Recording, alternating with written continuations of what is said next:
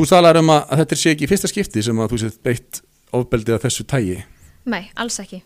Þú eru satt okkur frá fleiri tilfellum? já, ég veit bara um dæmi þess að, hérna, fjölskylda mín og vinir hafa orðið fyrir aðkasti.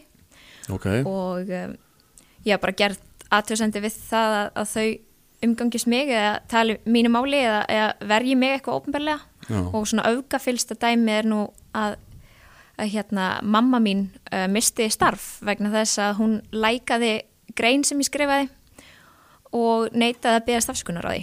Jáhá, hvaða starf misti hún vegna þess? Hún var að starfa fyrir Pírata Ok, og svo kemur þetta í rauninni aftur upp í fyrra vor þegar hún átt að taka sér stórt verkefni og var búin að undirrita skrifilegan samning þess efnis og þá skömmu síðar var henni bara tilkynnt símleiðis að hún þyrfti ekki að mæta til starfa vegna þess að þarna væri ákveðinir aðlæri ákveðin aðli sérstaklega sem treysti sér ekki til að vinna með móður minni. það er nefnilega það Já. og, og hvað var hún búin að starfa lengi fyrir Pírata? Hún var búin að gegna störfum fyrir flokkin í fjögur ár og þess vegna var þetta náttúrulega ekstra mikill skellur og ekstra vond bæði fyrir hana og mig. En hvað varstu þá Og- að skrifa?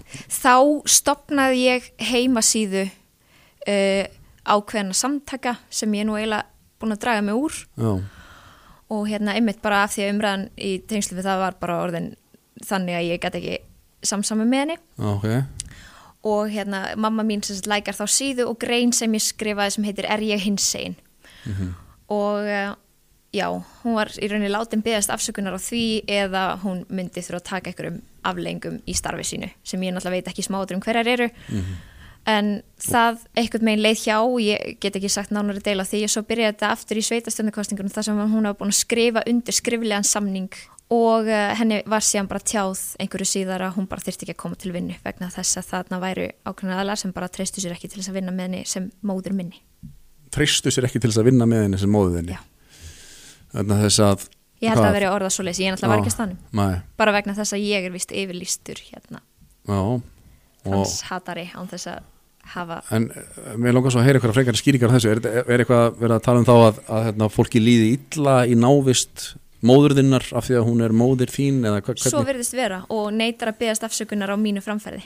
Já, já, Og þarna blandast líka inn í hérna kvennfyrirlitning á mínum mati, því að ég myndi ekki giska á að þetta er gert ef kallmaður hefði sem mikið í frammi að hérna fóreldra hans þyrfti eitthvað að fara að verja mm, þeirra málstað. Þannig að ég sé þarna bæði já, bara hvern fyrir litningu og andlegt ofbildi Já. blanda saman og svo gæti náttúrulega líka verið að mín föllum spil inn í að að það sé svolítið ennþá litið á mig sem stelpu grei sem hérna getur ekki staði fyrir ein málstað og fólk þarf að byggast afsökunar fyrir hönd já, já. Og, og það hefur nú líka verið ég lesið alls konar umræður á netinu sko og hérna því hefur til dæmis líka verið haldið fram að ég hef verið plötuð í að skrifa greinina sem ég skrifaði og, og gera það sem ég áhuga hafa gert Svona þér að, er gert þá upp að að geta ekki myndaðir þínar eigin skoðanir Já, af því að ég er of ung og vitlaus og, og hérna eitthvað og, og það er mjög fyndið að þeir aðila sem hafa sagt það eru mjög háæri yfirlýsti feministar Já, sem ég er að vísu líka en, en þetta er já, mjög fjarrri því að vera í samræmi við feministskildi að, að tala svona mínum að mhm.